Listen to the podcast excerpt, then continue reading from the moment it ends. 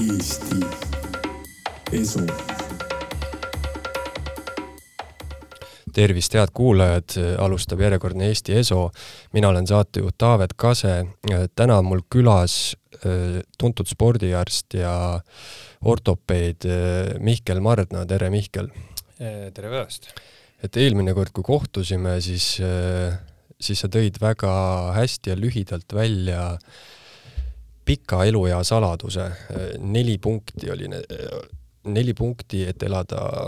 vanaks ja elada õnnelikult, et mis, mis need neli punkti täpsemalt on? no ma esiteks ei nimetaks neid punktideks, aga nad on nagu kujutavad endast äh, nelja erinevat sammast ja esiteks on muidugi äh, väga palju räägitakse söömisest, toitumisest, kõikvõimalikest dieetidest ja tervislikust toitumisest just eelkõige. aga ma rõhutaksin siinkohal, et äh, tähtis on toituda selliselt, et me ei tunneks äh, näljatunnet. ja siin võtmesõnaks on madala kalorsusega söök. oluline on äh, teise sambana füüsiline aktiivsus ehk siis me ei pea alati siin silmas äh, sportimist või mingisugust sportlikku tegevust, aga igasugune füüsiline töö, kas või äh, kodus tolmuimejaga põrandate tõmbamine või siis äh, maal või metsas puude istutamine või, või mingisugune puude lõhkumine, ka lapsega jalutamas käimine, käru lükkamine, ka see on teatav füüsiline aktiivsus ja sellist füüsilist aktiivsust võiks olla vähemalt äh, tund päevas. see on siis teine sammas. kolmandaks sambaks oleks siis äh, igapäevaselt riskikäitumise maandamine, mis, mis see endast tähendab äh,? see on näiteks, et me ei lähe punase fooritulega üle tänava, kus me seame riski oma elu ja tervise, ei suitseta liigselt, ei tarbi liigselt alkoholi ei võta ette mingisuguseid liigse riskiga seotud sportimisvõimalusi, ei lähe näiteks pisikese kummipaadiga merele, kui on torm ja nii edasi. Ja neljanda samba moodustab üks selline huvitav ja viimasel ajal üsna äh, rohkem ja rohkem rõhutatud äh, selline äh, sotsiaalse võrgustiku olemasolu, aga mitte, see ei tähenda sellist äh, läbi interneti, läbi igasuguste veebiplatvormide suhtlemist või siis läbi äppide suhtlemist, vaid face-to-face -face suhtlemist. see tähendab seda, kellega me koos elame, kuidas me koos elame, kellega me otse suhtleme, kuidas me suhtleme selline eh, heade suhete ja suhtlusvõrgustiku olemasolu ja inimeste silmast silma nägemine või kohtamine, see omab eh, väga suurt tähtsust meie nii igapäeva tervise, heaolu kui siis ka lõppkokkuvõttes eh, tervena elatud aastate suhtes. et sellised neli neli sammast siis, et esiteks äh, väikese kalorsusega dieet, füüsiline aktiivsus, riskikäitumise maandamine ja äh, selline äh, jutumärkides siis terve, mitte sõna, selle sõna tervise mõttes, aga terve suhtlusvõrgustik.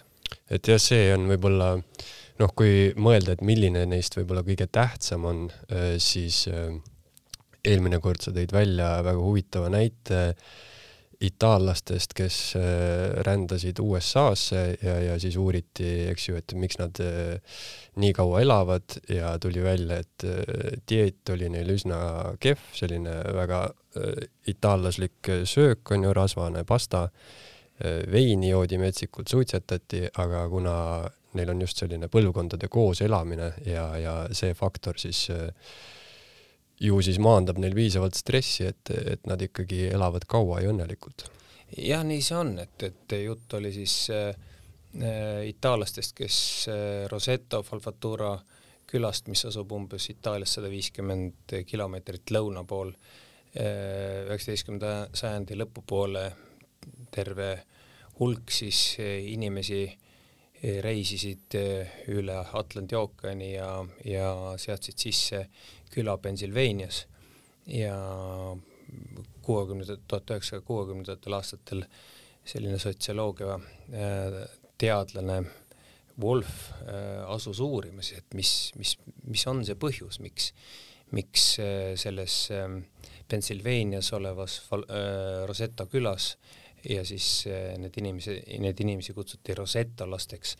miks nendel esineb oluliselt vähem südame-veresoonkonna haigusi ja inimesed sisuliselt ei, ei põe niisuguseid kroonilisi haigusi, mis nii-öelda ähm, muu populatsiooni osas ähm, Ameerika Ühendriikides oli siis üsna märkimisväärne. ja, ja tõepoolest selgus, et, ähm, et see sotsiaalne suhtlusvõrgustik ja, ja see asjaolu, et äh, mitu põlvkonda elab ühe katuse all, äh, et vanemad inimesed suhtlevad noorematega ja ja selline kooslus omab äh, märkimisväärset tähtsust äh, selles, kui pikaealiseks me ja kui tervena me elame. ehk, ehk me näeme enda ümber ju täna igapäevaselt, et see selline äh, stress nii-öelda tööst, elukeskkonnast tekkiv stress on üsna kasvavas trendis ja ja kui me vaatame, palju siin Äh, üleüldse noh, Ravimiameti kodulehelt on võimalik vaadata ka, et ja, ja järgi uurida, et palju üldse kasutatakse või siis Terviseameti kaudu, et, et palju üldse kasutatakse selliseid antidepressante ja ja leiame, et juba kooliealised lapsed kasutavad päris palju niisuguseid ravimeid, mis on, mis on tingitud just sellisest äh,, nimetame siis seda meie kasvukeskkonnast, et äh, Ehm, jah, me, me liigume eh, sellise stressi kasvutrendi suunas, et eh, ka igapäevased lahendused nii tööl eh, ja ka vaba aja lahendused on üsna sellised stressirohked ja eriti just sellises pandeemia tingimustes, kus, kus jah, et ütleme nüüd liikumine on on piiratud ja, ja puhkusevõimalused on piiratud, enda maandamisvõimalused samamoodi, nii et et kui me oleme harjunud elama kas siis üksi või eraldi, noh, siis suhtlemine vanavanematega ja nii edasi, see kõik, see kõik mõjutab. jah, võrreldes näost näkku suhtlemisega on tegelikult on ju selline sõnumite saatmine või siis on ju tekstimine on ikkagi äärmiselt paranoiline või stressi tekitav, et iseenesest sa ju ütled midagi inimesele, saadad talle sõnumi ja siis sa jääd justkui ootama või sa saadad nagu niisuguse postituse talle teele, onju, ja siis sa ootad sealt vastust, aga, aga noh, näost näkku sa muidugi kohe loed inimese reaktsiooni, sa saad kohe vastuse, et et see on kuidagi hoopis vahetum, eks ju. aga, aga rääkides jah, sellest äh, antidepressantidest, mis ta noh, metsikult neelatakse ikkagi tänapäeval, et äh, no eesti keeles on ütlus, et äh, terves kehas terve vaim, eks ju, et äh, kuidas sulle tundub, kas äh, tihtipeale olekski võib-olla, kui inimene tunneb seda stressi, võib-olla depressiooni ja asja, et kas inimesel oleks mõistlik siis noh, proovida antidepressantidega ennast kuidagi sealt välja tuua sellest august või, või sellest olukorrast või siis tõesti järgida nii-öelda selliseid lihtsamaid äh, lihtsamaid asju, millest sa ka rääkisid, et äh, suhelda, äh, trenni teha, normaalselt toituda? kindlasti esialgu ju tasuks proovida selliseid lihtsamaid võtteid ja, ja mis, mis saab olla parim, kui sul on, kui sul on palju häid sõpru, kes, kes võib-olla raskel hetkel sind toetavad ja, ja just, just see toetus on selline moraalne toetus, et, et sul sul ei kao sõbrad sinu ümbert ära, kui sul on Eh, mingi selline raskem periood, vaid, vaid nad noh, kõige toredam kõne on ju see, et, et mitte keegi ei helista sulle, et, et tahab sult midagi, mingisugust teenet või et kas sa saad seda või teist ja kolmandat teha, vaid, vaid lihtsalt küsib, et kuule, kuidas läheb, et, et äkki lähme käime mõnel õhtul, käime väljas või tuled mulle külla, et teeme klaasi veini või ajame juttu ja niisama lobiseme, et vot no selline, vot selline suhtlus on niisugune, niisugune mõnus ja stressi maandav, aga loomulikult räägitakse ju palju sellist tööteraapiast ja tegevusteraapiast, et mina usun küll, et, eh, selline vaimne, vaimset stressi aitab maandada mingisugune füüsiline aktiivsus, kas või õhtuti jalutamas käimine, ei pea tegema mingit erilist sporti võid võtta kas sõbra, sõbra kaasa ja siis seal jalutuse käigus või jalutamise käigus juttu ajada või või lihtsalt arutada päevakajalistel teemadel, et noh, see on kõik selline eh, lihtsam moodus ja kindlasti kui sellest abi on, on ta kindlasti parem, kui hakata koheselt eh, kasutama ravimeid, antidepressante, et, et see on jällegi nendest väljatulek on omaette, omaette teema, et nojah, selline äh, tableti sihuke, ütleks võib-olla mentaliteet on, on väga levinud äh, ja see ilmselt tuleb äh, mugavusest, et kergem on võtta, on ju, sihuke kiire lahendus, põmm, võtan tableti alla, kui siis on ju tegeleda nii-öelda pikaajaliselt, distsiplineeritult nende asjade nagu juurpõhjusega, et et kuidas sulle tundub, et kas nagu selline mugavus, noh, ütleme, see väljendub äh, mulle tundub ühiskonnas ka selles, et, et äh, ütleme, meie probleem on ülekaalulisus näiteks onju, et siis me ei hakka tegelema juurprobleemiga, vaid äh, me hakkame ülekaalulisust normaliseerima, tuleb selline keha, keha mingi aktsepteerimis on ju igasugused kampaaniad, möllud, et siis nagu see ülekaaluline inimene tunneks justkui, et, et temaga on kõik korras. et mis, mis sina sellest teemast arvad? No kindel on see, et ülekaalulisus äh, äh, peidab endas äh, rohkelt erinevaid terviseriske, et ja need on, need on läbi räägitud ja teada. nüüd, et ühiskondas normaliseerida ja, ja rääkidagi sellest, et, et ülekaalulisus ongi niisugune normaalne ja, ja, ja tore olek, et see minu arvates ei ole okei okay iga inimese enda asi on muidugi see, et, et kui palju ta äh, pöörab tähelepanu oma, oma kaalule ja loomulikult on ka äh, geneetiliselt ette määratud mingis osas, et, et kes, kes on nii-öelda tugevama kondiga või kes, kes on, kes on hästi kõhnad ja ja see sõltub väga palju ainevahetusest, seal on tegu, tegureid on tohutult palju, et, et äh, kuid mingil määral me saame alati mõjutada oma kehakaalu ja ühed siin räägivad, et on eh, vähene liikumine, et inimesed on muutunud ka seal mugavamaks, sõidavad autoga, noh, kasvõi treeningsaali, sõidavad treppi ja siis liftiga teisele või kolmandale korrusele, et jõuda treeningsaali. Eh, teised räägivad, et toitutakse valesti. minu meelest ehm, selline füüsiline aktiivsus ja toitumine käivad ikkagi käsikäes, et ehm, normaalne on see, kui me eh, tarbime nii palju, kui me suudame energiat kulutada. ja kui selline energia tasakaal on eh, olemas, siis eh, tegelikult ma ei näe põhjust, miks, miks inimene peaks oluliselt kaalust juurde võtma. kui me tahame kaalu langetada, siis äh, räägitakse kõikvõimalikest dieetidest ja, ja väikestest ampsudest ja hästi palju kordi söömisest päevas äh, kuus kuni kaheksa korda isegi olen kuulnud, aga, aga keegi ei räägi mittesöömisest. minu arvates, kui me tahame kaalu langetada, siis võiks toidukordasid hoopiski vähendada. eks ma tean maailma äh, tipp äh, kergejõustiklased, kõrgushüppajad ja kaugushüppajad, kelle puhul kaal on hästi oluline võistlustingimustes, on kasutanud sellist tehnikat, kus nad nihutavad hommikusöögi pisut hilisemaks ja tõstavad õhtusöögi äh, pisut varasemaks, jättes lõunasöögi hoopiski vahele. ja, ja selliselt eh, suudavad eh, viia ennast võistluskaalu, et et eh, see selline nagu äh, tendents, et dieetide koostamisel kogu aeg räägitakse sellest, mida süüa, mida süüa,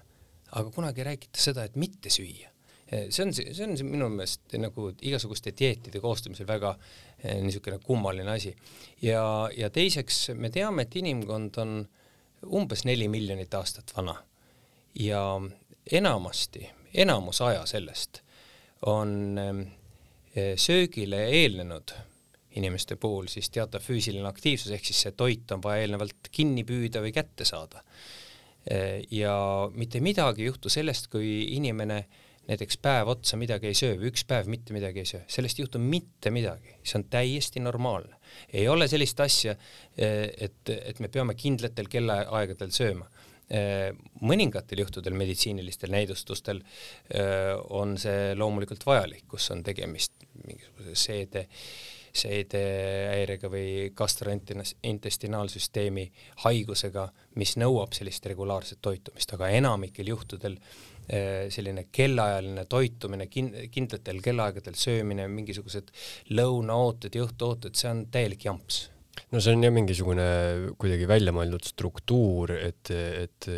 kuidagi on pähe taotud inimestele, et kolm korda päevas sa pead sööma, eks ju, et hommikul kindlasti söö midagi, et muidu sa ei jaksa midagi teha. Aga noh, nüüd tänapäeval on ka muidugi hästi jah, populaarne selline noh, selline mittesöömine on nagu vaikselt hiilinud ligi, et selline, sellised paastuperioodid ja see öö,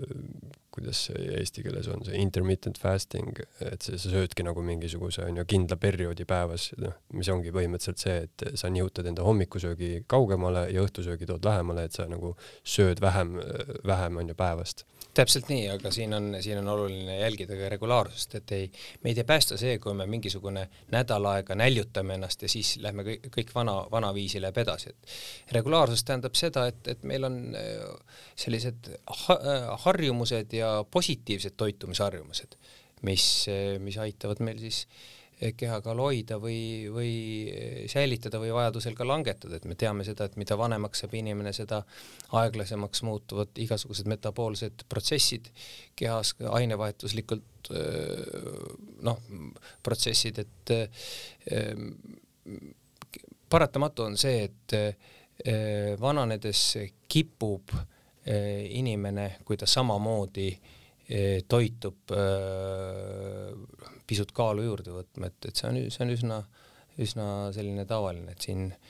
noh, selles osas tuleb äh, toitumist pisut jälgida. sa mainisid seda geneetilist faktorit ja, ja tihtipeale on kuulda, kuidas noh, see on ka selline asja normaliseerimine, et kuidas räägitakse suure kondiga inimestest, eks ju. aga mulle tundub, et, et see nagu ülekaalulisus juurdevõtmine, allavõtmine, see on ju lihtne matemaatiline tehe, et see on kalorid sisse,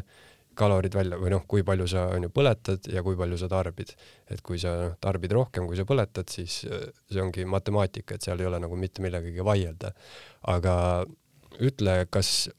on selline asi olemas, et inimene näiteks sünnib paksuna või ongi selline mingi eeldus, et ta ongi ülekaalus? kindlasti on, seal on teada äh, Äh, või kindlaks tehtud teatud geenid, mis, mis mõjutavad ülekaalulisust ja samuti mitmed haigused, mis on seotud sellise ülekaalu tekkimisega, näiteks kilpnäärme alatalitlus ja, ja on veel ju haigusi ja, ja lisaks veel, kui meil on äh, teada mõned haigused, mis, mis pidurdavad või takistavad füüsilist, eh, inimese füüsilist aktiivsust, on mitmed sellised raske, raskemad südamehaigused, et ähm, kaasasündinud südamehaigused, mis, mille puhul on inimese selline füüsiline aktiivsus teatud määral piiratud, et äh, jah, loomulikult on võimalik toitumisega äh, Eh, seda energia tasakaalu hoida, aga see on jällegi üsna keeruline, nõuab päris eh, sellist suurt eh, pingutust ja tahtejõudu ka siis inimese enda poolt või patsiendi enda poolt. mulle tundubki jah, et, et see, see nii-öelda see matemaatiline printsiip, see jääb alati samaks, aga et kui sul tõesti on siis mõni haigus, sa ei saa võib-olla on ju füüsiliselt liikuda nii hästi, siis sa pead lihtsalt veel rohkem jälgima ja veel rohkem nagu tööd tegema sellega. täpselt nii on ja, ja enamikel nendel juhtudel, kus on selle ülekaalulisuse põhjus on mingisugune haigus või geneetiline eh, geneetiline kood on meil, on selline, mis, mis soodustab ülekaalulisust, siis ikkagi nõu kaalu langetamise osas eh, annavad eh, erialaspetsialistid või arstid, et et siin väga palju ise Äh, internetis surfates ja, ja kuskil guugeldades, et, see ei ole parim lahendus. no selline jah, äh, kuidagi selline asi tundub mulle hästi jabur, et, et inimene räägib, et noh, kogu aeg äh, sööb salatit ja ikka võtab kaalus juurde, et, et siis noh, ilmselt ta ei räägi päris ausalt. nojah, selli-, me ju kuuleme tihti selliseid väljendeid, et, et ei tea, kust see kaal mul saab juurde tulla, et ma ju ei söö mitte midagi, et tegelikult on, on ju selge see, et ega siis toit äh, kastrulist või, või pannilt ju ei difundeeru läbi õhu, vaid ikkagi see toit tuleb ju sisse süüa, et et muidu kaloreid ei tule, kui ma ikkagi ühtegi äh, kalorit päeva jooksul ei tarbi siis noh, mingisugune kalorite kulu mul ju ikkagi on, et, et arusaadavalt, et sellisel juhul kaal ei saa kasvada või kaal ei saa tõusta. et teine lugu on see, et on rida selliseid haigusi, mis, mille puhul siis peetub eh, vedelik organismis kolmandas ruumis või, või paigutub ringi, et et ehm, jah, neerupudulikkusega haigete puhul ja maksatsirroosiga haigete puhul võib ütleme jah, vedelik eh, Eh, koguneda või paigutuda kehas, kehas ringi, nii et eh, see võib tõsta kaalu, ehk siis vedeliku või vee arvelt on ka võimalik, et kaal suureneb, aga see on, see on, see on jällegi teine lugu, et see on seotud niisuguste tõsisemate haigustega. Eelmine kord rääkisime ka sellest ja äh, erinevatest hommikurutiinidest äh, ja sa ütled, et inimene noh, tegelikult ei pea olema sportlane, ei pea metsikult tundide viisi jõusaalis rassima, et olla nagu heas tervislikus vormis. aga sa mainisid äh, vahet ka päeva jooksul, millal teha trenni, et sellel on nagu suur erinevus, et, et mis on hommikuse ja õhtuse trenni vahe? Et üllatavalt jah, et on tehtud mitmeid uuringuid, kus on siis tõestatud selline äh, tavainimene või siis harrastussportlane, kes teeb oma treeningu äh, Äh, hommikupoole, et nendel on nii-öelda äh, parem uni äh, noh, öösiti. Ja noh, see on mõningati on see ka selgitatav sellega, et vastukaaluks, kui me teeksime treeningu, sellise intensiivsema treeningu õhtupoole kuskil seitsmest-kaheksast ja üritame siis kuskil üheteist ajal magama minna, meil ei pruugi olla nii-öelda ainevahetuslik või ainevahetus äh, nii-öelda äh, maandatud või, või selline aktiivne ainevahetus maandatud ja, ja südame löögisagedus võib-olla ka ei ole ehm, oma sellisele rahuoleku režiimile ehm, tagasi, tagasi läinud, nii et ja ka meie selline närvisüsteem on pisut öö, intensiivse, isegi mitte pisut, aga üsna, üsna tõsiselt üles ärritatud sellise intensiivse treeningu tulemusena, nii et kindlasti õhtune trenn ei soodusta hea tund, küll aga kui me selle hommikul äh, põhitreeningu ära teeme või sellise ükskõik millise kehalise aktiivsuse, siis esiteks ta aitab meil paremini üles ärgata ja võib-olla teinekord on parem isegi kui tass kohvi, kuigi noh, ei pea üks ei välista teist, et tassist kohvist ei pea seetõttu loobuma. ja, ja kogu, kogu päevaks või esimeseks pooleks on selline Äh, organism on üles ärganud ja võime nii-öelda päeva kohe reipalt alustada, nii et selline hommikune trenn on igati mm, niisugune, tean inimesi isegi, kes äh, lähevad trenni kella viiest hommikul, et äh, või ärme nimetame seda trenniks, liikuma, liikuma, jalutama, kõndima, kepikõndi tegema, noh, et kui tööpäev hakkab kuskil seitsmest poole kaheksast, siis enamasti on see võimalik. Jah, selline, ma ei tea, talupojatarkus võib-olla isegi räägib siin natuke vastu, et et kui nagu kuidagi proovida mõelda seda õhtust trenni, et siis sa just noh, une, une seisukohalt, et, et ma just kuidagi väsitan ennast metsikult ära ja siis mul tuleb hästi hea uni. see on väikeste laste puhul vastab see tõele, et mm, -hmm. et kui neid õues jooksutada eh, kuni vannitamiseni, siis eh, nad väsivad ära, jäävad hästi eh, noh, värskes õhus olnud, jäävad hästi magama et täiskasvanud inimeste puhul see nii, nii, nii hästi ei toimu ja sedapidi ei toimi. Koerte me... puhul vist on ka sama et...? koerte puhul on ka jah sama, et aga, aga jah, et täiskasvanud inimeste puhul paraku see nii hästi ei, just annab enamasti vastupidise efekti hoopis. sina oled elus kokku puutunud väga palju tippsportlastega ja, ja näinud nende erinevaid vigastusi, asju ja, ja eelmine kord rääkisid ka natuke enda hommikurutiinist, et seal olid äh, tähtsal kohal sellised poolkükid, aga enda kogemuse põhjalt, mis on sinu hinnangul äh, inimese nii-öelda kõige nõrgem äh, lüli, et kas need on põlved või on mingisugune üldisem, ma ei tea, liigesed? no tänapäeval me teame, et üha rohkem suureneb selliste kontoritöötajate hulk või arv ja ja eks need kõige nõrgemad lülid meil on alaselg ja, ja põlved. need on kaks sellist ütleme, tugiaparaadi lüli, mis mitte treenimise puhul või kui me üldse mingisugust koormust või, või lihastoonust parandavat tegevust ei, ei rakenda, siis nad kipuvad endast märku andma ühel või teisel eluetapil, ehk siis alaseljavalude üle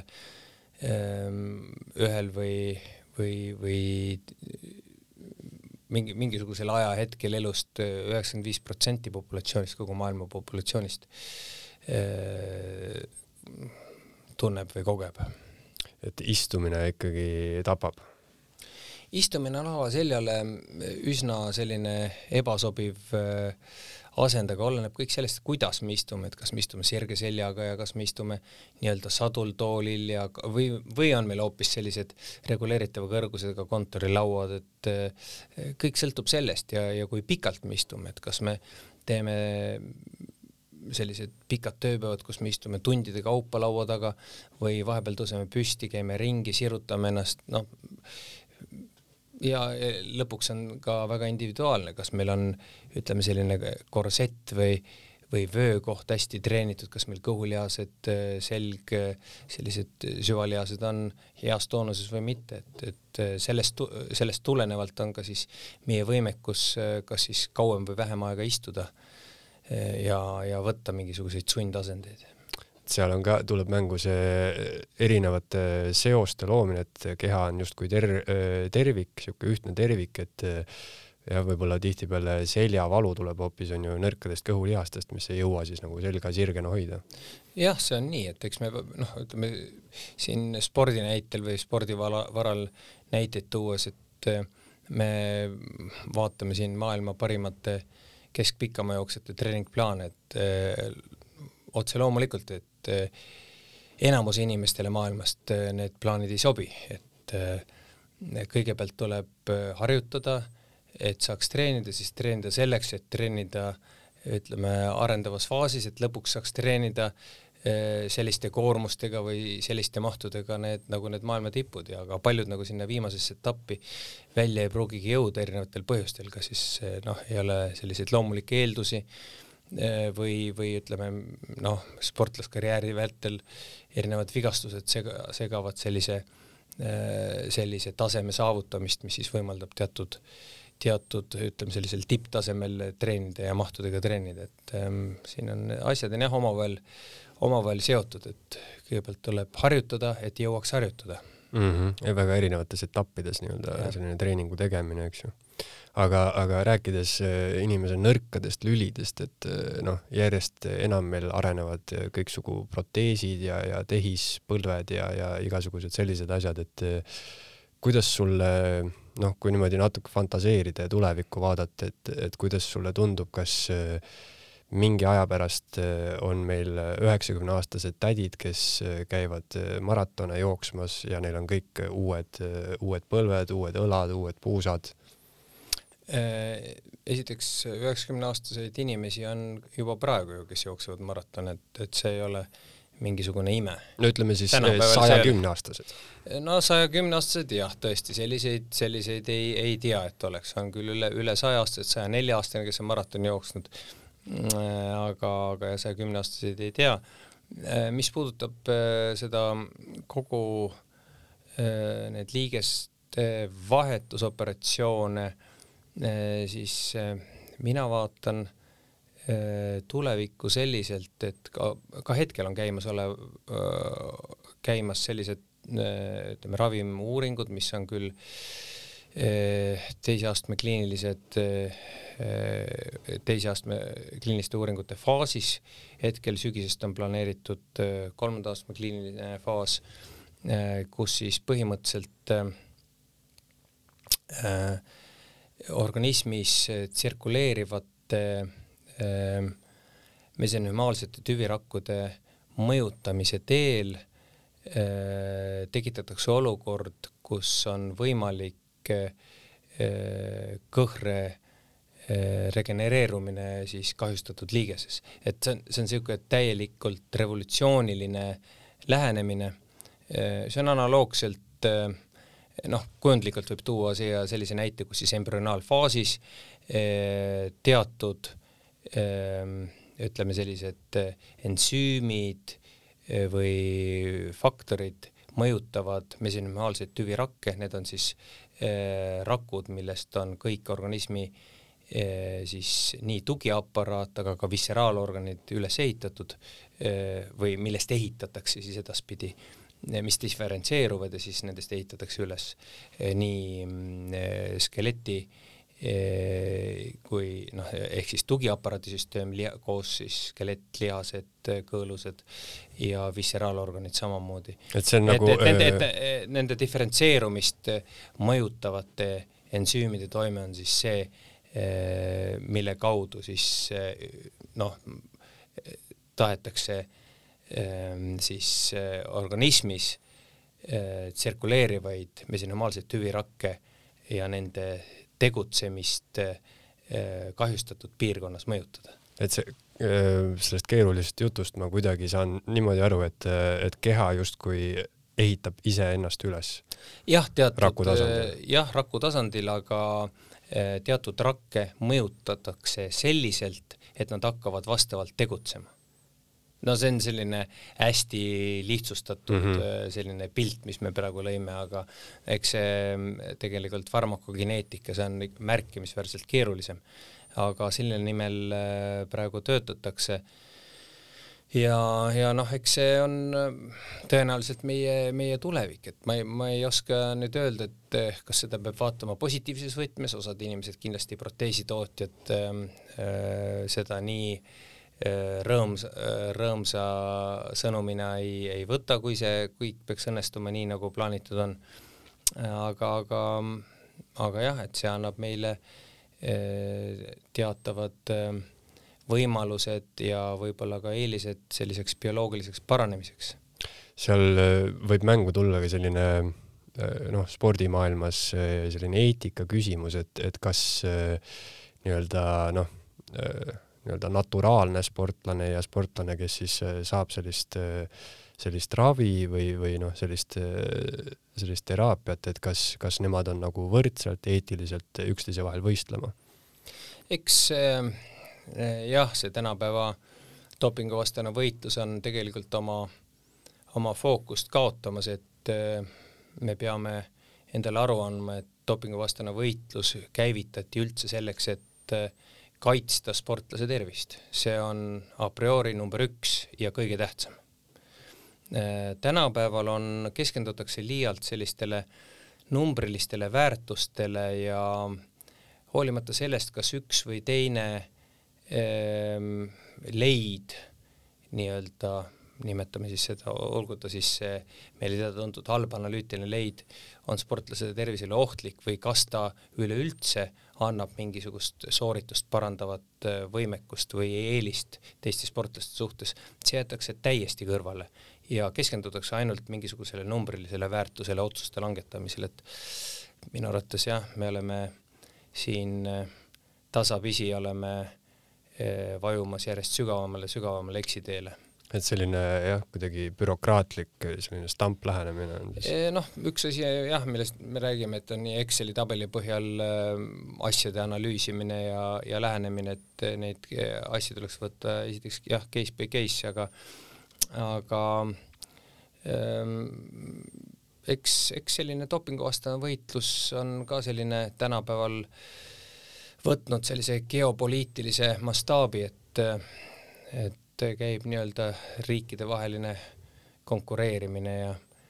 ja isegi ütleme siis teatud riikide kõrvaldamine spordist või teatud spordialade eh, kõrvaldamine, et et see on niisugune huvi, huvitav maailm, et alates kahe tuhandete aastate algusest on, on see järjest, on kasvanud ja ta on tohutult suureks Äh, omaette nii-öelda majandusharuks on äh, muutunud, et eks siin, eks siin ka kahjuks, kahjuks on äh, sellised, sellised tuuled või vaibid puhuvad nagu, et money talks, et jah. No ja see on päris jõhker maailm, et ma arvan, et kuulajad, kes on vaadanud dokumentaalfilmi Ikarus, noh, see on ikka päris äh, šokeeriv film, oled sa ise, Mihkel, näinud seda? ma ei ole ise näinud, ma olen kuulnud, millest, millest seal juttu on, aga aga jah, eks, eks ta ole, eks, eks ta ole jõhker maailm, aga aga äh, tänapäeva sportlane on ikkagi üsna, üsna kaitsetud kogu selle masinavärgi suhtes, et äh, igasuguste juhuleidude osas, et äh, me teame kahe tuhandete aastate keskpaigas, kaks tuhat viis, kaks tuhat kuus maailma tipp Vaada poolt akrediteeritud Kölni eh, labori eh, kaks tuntud biokeemikut Richard Chancer ja Hans Geier uurisid juhuvalimi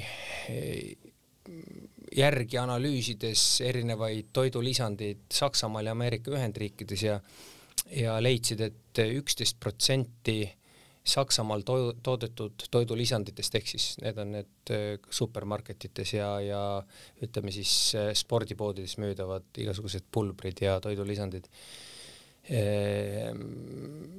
sisaldavad äh, keelatud ained, üksteist protsenti sisaldab Saksamaal toodetud toidulisanditest keelatud aineid. Ja Ameerika Ühendriikides oli see protsent kakskümmend, nii et äh, no siis sa ei saagi äh, sportlasena midagi teha, onju, et sa ei saa kontrollida seda. see näitabki seda, et äh, tegelikult täiesti hoomamatult või enesest noh, enese teadmata võib sportlane täiesti vabalt kasutada keelatud ainet, kuna enamus nendel etikettidel ju, mis toidulisandites, toidulisandite pakkide küljes on, et need keelatud ained ju ei kajastu. et kust peaks siis sportlane teadma, mis on, mis on keelatud, mis mitte ja ja noh, dopinguvastase võitluse tegelased eh, ütlevad lihtsalt, et kui ei ole endas kindlad, ärge kasutage, aga noh, see on selline, see on mugandunud eh, soovitus, et me tahame ikkagi teada, mis, mis on lubatud ja mis ei ole lubatud, et selline, selline väljend, et kui pole kindel, ära kasuta, noh, see, see on selline lihtsalt enda pealt nagu tule äralükkamine. et tegelikult peaks otsima lahendusi selliseid, kus siis eh, sportlane oma välja valitud toidulisandit kohta saaks piisavalt teavet, kas siis saaks eh, see toidulisand testitud laboris et eh, saada see kindlus ja selgus, et ta tõepoolest ei sisalda midagi keelatud. et mingi selline lahendus peaks, peaks olema ja neid tegelikult tasahilju nii Austraalias, Ameerika Ühendriikides kui ka Saksamaal äh, pakutakse küll mitte selliselt, et sportlane toob oma toidulisandi, aga nad ise mingisuguste äh, siis toidulisandite tootjatega teevad koostööd ja, ja, ja testivad ja siis panevad nii-öelda oma kvaliteedimärgi sinna peale, mis annab siis kindluse sportlasele, et ta tarvitab niisugust äh, toidulisandit, mis ei sisalda keelatud aineid. sinu jutu põhjal tundubki, et äh, kergem on vist sporti teha niimoodi, et, et su kehas on nagunii mingisugused keelatud ained, et see, see variant, et sa teed puhtalt kõike, see tundub nagu juba raskem variant või nagu ebatõenäolisem, ütleme niimoodi. no vot, asi on selles, et teatud spordialadel ja just tipptasemel on need selliste makro-mikroelementide vajadus märkimisväärselt suurem kui tavainimesel ja kui me tahame neid mikro- ja makroelemendid tavatoiduga kätte saada, siis see toidu hulk on nii tohutult suur, et, et me siis muud ei saagi teha põhimõtteliselt kui ainult süüa, et ja see, see ei ole võimalik, seetõttu eh, mikspärast tippspordis kasutatakse toidulisandid, on see, et me saaksime need vajalikud mikro-makroelemendid nii-öelda kontsentreeritud kujul eh,. ja noh, päris ilma selleta niisuguseid absoluutselt tipptasemel sporti teha on ikkagi keerukas, et eh, ja nüüd ongi vaja välja selgitada, et millised siis on need eh, toidulisandid, mida meil vaja on, aga mis ei sisaldaks keelatud aineid. ja ma arvan, see ei ole liiga keerukas ülesanne. nojah, tundub eh, teoorias nagu kerge, aga rääkides jah tipptasemel spordist, et, et sa oled ka väga palju sportlastega kokku puutunud ja, ja alati räägitakse vigastustest. et kui me niimoodi väga-väga üldiselt vaatame sporti ja selline spordi tegemine, see on selline justkui tervislik ja enda tervise eest hoid- äh,, hoolitsemine, aga kas, kas sport üldse on võimalik teha ilma vigastuseta, oled sa mõnda sportlast kohanud, kellel ei ole vigastusi? no siin tuleb vahet teha tippspordil ja tervisespordil. tervisesport, nagu see sõna ise ütleb, et on meie enda tervise säilitamise ja hoidmise eh, tarvis on vajalik ja ta on mõeldud selle jaoks just nimelt. tippspordil ja, ja tervisel ähm, on ainult see seos, et me äh, proovime hoida tippsportlased võimalikult tervena tippsport ei ole suunatud äh, sportlase tervise parandamiseks, tippsport on suunatud tulemustele ja loeb ainult tulemus. et see on jah selline inimkeha piiride ja, nihutamine just, et siin need tervisesport ja tippsport on kaks täiesti erinevat asja. et äh, siin, siin ei ole mitte midagi nende kahe asja vahel võrrelda, et on muidugi veel üks, üks lisakontingent äh, nii-öelda harrastusvõistlussportlased, need, kes eh, üritavad treenida või õigemini treenivadki pra-, praktiliselt samades mahtudes nagu tippsportlased ja see on niisugune suhteliselt kontrollimatu äh, rühm tegelasi, kes äh, noh, esiteks äh, noh, nende toidulisandite poole pealt ei, ei tea, mida, kui palju ja kuidas äh, tarvitavad, et ja nad kindlasti endale äh, kindlasti oma tervisele head sellega ei tee nende suurte koormustega. et noh, näiteks ma vaatan siin eh, ka eh, ühte meie ultra, ultrasportlast, kes, kes läbib siin, eh, siin noh, kümme maratoni või, või kakskümmend maratoni kümne päevaga või, või, või noh, siin teeb kakskümmend triatloni järjest ühte jutti või et noh, kindlasti see ei ole kui me räägime tervisest, siis selline tegevus täiesti kindlasti ei ole tervisele kasulik, täiesti kindlasti, siin ei ole, siin ei ole isegi selle vaidlemiskoht, et eh, pole mõtet üldse vaielda sel teemal, et see ei ole tervisele kasulik, organismil on teatud reservid. Ja mina näen üldiselt äh, seda sellises võtmes, et äh, ühele indiviidile on antud mingisugused reservid eluajaks. Ja nüüd sõltub, et eh, mis ajaühiku jooksul me need reservid ära kulutame. Eh, ehk siis see on, see on umbes niimoodi, et kui meile on antud väga hea tervis, siis hooletu käitumisega me võime selle tervise ära rikkuda ja kaotada oma hea tervise üsna varases vanuses, juba alla viiekümne aasta vanuses ja peame siis eh, ülejäänud elu elama niisuguse noh, suhteliselt noh, piiratud. limiteeritud. jah, jah, limiteeritult. või teine variant on see, et kui meil see eh, tervis ei ole väga hea eh, nii-öelda looduse poolt või geneetiliselt kaasa antud, aga me käitume või käime sellega ümber äh, targalt, ehk siis parasjagu ennast äh, anname füüsilist aktiivsust, hoiame oma äh, keha toonuses äh,, toitume tervislikult siis me võime niisuguse väga hea tervisega või suhteliselt hea tervisega väga pikka aega elada. et need on omavahel, see on umbes nagu ähm, kellel on palju raha ja sellega hooletult ringi käib, kaotab üsna kiiresti kõik, aga kes, äh, kellel on vähe raha, aga noh, käitub sellega säästlikult ja mõistlikult, saab pikka aega hakkama. Nojah, siin on isegi selline, ütleme, esoteeriline seos on loodud, et igale inimesele on antud teatud arv hingetõmbeid või südamelööke, et siis ise vaatad, mis aja jooksul sa need nagu ära kulutad, et jah, kas see, kas see nii päris on, et me ei tea, et, et eks siin on eh, organism, inimese organism on ikkagi nii keeruline, et lõpuni pole seda siiamaani suudetud eh, suudetud kõiki funktsioone ja, ja näiteks öeldakse, et meie aju funktsioonidest on tänaseks äh, uuritud või teada alla kümne protsendi võimalikust. Et äh, see on üsna kõnekas, kõnekas asjaolu jah, ja või fakt. see tundub äh, naeruväärselt vähe, eriti kui arvestada seda, et me ikkagi peame ennast ja, ja meie ühiskonda selliseks arenenuks ja, ja väga on ju kõrgtasemel nii-öelda teadusühiskonnaks jaa, aga see areng, kui me vaatame viimast sadat aastat, on ju olnud ähm, lausa geomeetrilises progressioonis, et ta läheb kohutava kiirusega edasi ja, ja need asjad, eh, kui me mäletame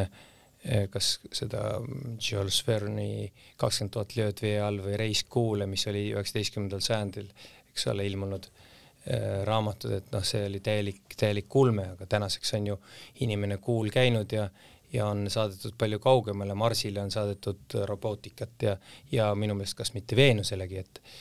äh, uuritakse. et ähm, ja, ja samuti on allveelaevad on üsna niisugune tavaline, tavaline asi, et nojah, samamoodi ongi väga põnev mõelda, et huvitav, mis seisus on noh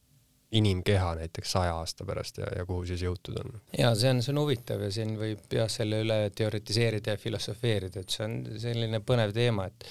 ja aga noh, nagu me näeme, et, et maailm on selline eh, ütleme, ütleme siis mitte maailm, maakera eh, või planeet Maa on selline küllaltki nagu isereguleeruv süsteem, et, et mida rohkem me tarbime, kasutame nii-öelda aeglaselt taastuvaid või taastumatuid ressursse, et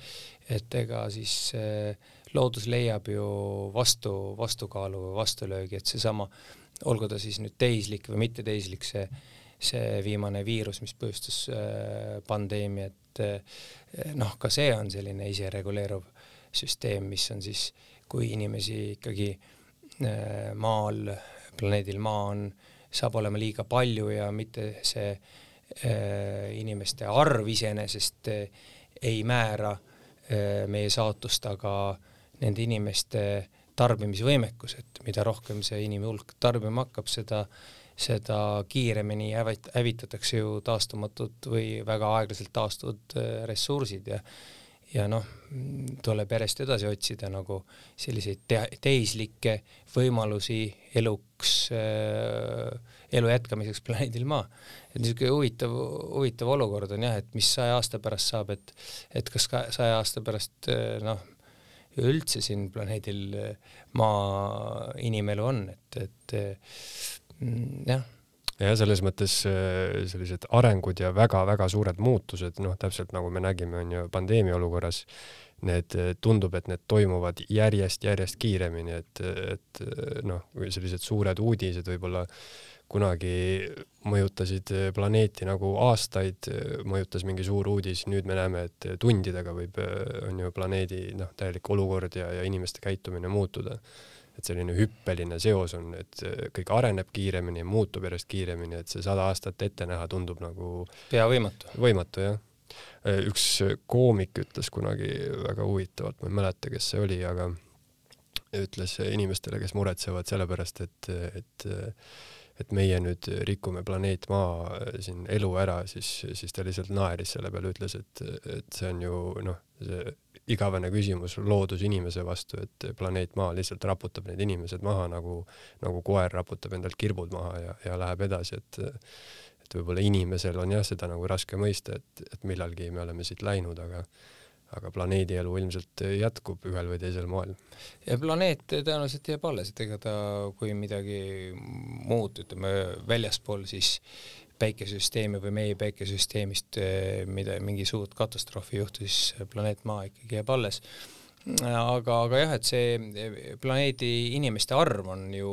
eh, viimasel saja kahekümnel aastal ju peaaegu, peaaegu kaheksakordistunud. et see on minu, minu arvates väga selline kõnekas fakt ka. ja kuskil üheksakümnendate aastate keskel tuli sellise väga skandaalse äh, väljaütlemisega välja mm, maailmakuulus loodusteadlane Jacques Cousteau, noh, ookeanoloog tegelikult äh,, kes siis ütles intervjuus äh, UNESCO tributile, et äh, küll tõdes, et seda on, see on väga karm ja väga raske on seda välja öelda, aga selleks, et inimeste elu säilitada või kindlustada inimeste eksistents planeedil Maa ka edaspidi, tuleks igapäevaselt elimineerida kolmsada viiskümmend tuhat inimest tol ajal. no võib arvata, millist vastukaja selline väljaütlemine, ehm, väljaütlemine endaga kaasa tõi, kuid äh, kas meile meeldib või meile ei meeldi, siis äh, äh, mingisugune tõeiva on seal ikkagi sees äh,. Loomulikult ma ei pea siin silmas ega ei pea õigeks, et nüüd tuleb äh, hakata inimesi hävitama, aga, aga inimeste äh, arvu suurenemine sellises tempos ja inimeste tarbimisharjumuste, tarbimisvõimaluste kasv sellises tempos nagu praegu, see on üsna hävitava iseloomuga. Tuleb hakata lihtsalt teistele planeetidele vaikselt kolima, sest eh, siin noh, see on ka täpselt eh, ütleme üsna selline provokatiivne on ju ütlemine, et inimesi peaks justkui nagu vähemaks võtma, aga see on samamoodi kuidagi matemaatiline printsiip, et see on lihtsalt tõsiasi, et siia planeedile võib-olla noh, on teatud piirid, lihtsalt ei mahu ühte, ühte majja ei mahu üle mingi arvu, onju. Et tegelikult on ikkagi ressursid need, mis määravad ära et palju planeet Maa inimesi välja kannatab, et no ma mõtlengi jah. aga et... inimeste arvu pi-, eh, piiramist, sellist ähm,, seda on ju teatud riigid kasutanud, näiteks seda Hiina, et äh, mitte küll, eks ole, inimeste hävitamise läbi äh,, aga ütleme äh, inimeste maksustamise läbi. inimeste maksustamise läbi, et peres ei tohi olla rohkem kui üks laps, ehk siis eh, kaks täiskasvanut, üks laps, aga noh, sealt on nüüd selline päris kõva tagasilöök, et eh, tegelikult on jäänud eh, noh, nagu üks generatsioon on, on inimesi vahele jäänud, et, et noh, eks igal mündil on kaks poolt. Seda küll jah, ja see inimeste arvu kasv on noh, ilmselt kõik inimesed saavad sellest aru, mina äh, ei ole väga vana, aga mina mäletan ka koolis, et mina õppisin, et on äh, kuus miljardit inimest maailmas, et täna on kaheksa. ja et ma ei tea, mis sina veel õppisid? jah, et meie ajal ma, ma isegi ei mäleta, mis, mis see siis oli jah, aga aga kindlasti oli see inimeste arv ja, ja kogu geograafia, ütleme selline poliitiline geograafia oli siis ka natuke teistsugune kui praegu. tõsi ta on jah. Äh, lõpetuseks äh, meie eelmisest intervjuust jäi kõlama selline väga, väga õige mõte, et eh, kui rääkida inimese enda tervisest, heaolust, pikast õnnelikust eh, elust üleüldse, siis eh, eelkõige peaks inimene võtma ise selle eest vastutuse. ma usun, et see on, see on õige ja see on õige sõnum kõikidele inimestele, et kas siis ükskõik kelle, kaasa arvatud minu, minu laste tervise eest edaspidi ka ei saa ju vastutada ei ühiskond tervikuna ega poliitikud ega arstid ega eh, laste kasvatajad, aga ikka me ise. meie, ütleme, lapse täis, noh, täisealiseks või ütleme siis äh, täisealiseks saamiseni ikkagi jah, vastutab tema tervise eest lapsevanem aga täiskasvanud inimesed ikkagi peaksid oma tervise eest hoolitsema ja muret tundma eelkõige ise. ja, ja mitte, mitte lootma, et arstid on need, kes kõik tervisehädad kas siis tableti, süsti või mõne operatsiooniga lahendavad, et me peaksime ikkagi ise püüdma ennetada kõikvõimalikke vigastusi ja, ja ennetada ka teatud haiguse ja terviseriske, mis võivad tekkida meie nii-öelda ebaõigelt valitud siis noh, me kõik oleme teel, eks ole, teadmata, et millal ja, ja kuna me kohale jõuame, et, et aga et, et kui me oleme omal sellise eh, kahjulike harjumustega, ehk siis eh, noh, no me tõime päris alguses täna need neli sammast tõime välja, et eh, toitume ebatervislikult, ei liigu, eh, tegeleme kõikvõimalike riski, terviseriski suurendavate tegevustega, suitsetamine, liigne alkoholi tarvitamine, noh, siin, siin veel võib tuua mingisuguseid muid tegevusi, eks ole. ja, ja oleme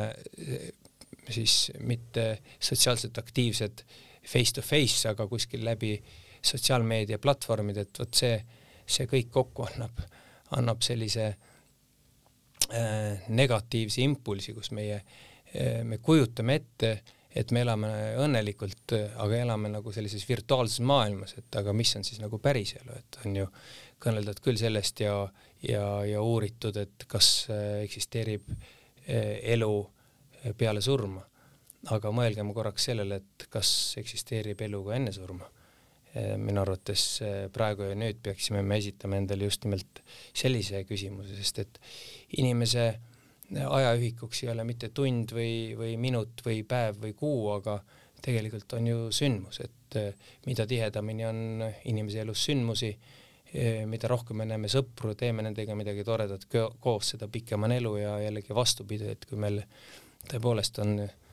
päevaseks tegevuseks on ainult teleka vahtimine ja ja, ja korraks koeraga õues käimine, et siis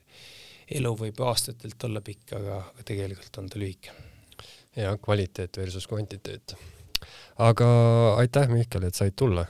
seekord siis sellised jutud. jah, aitäh. Eesti Esu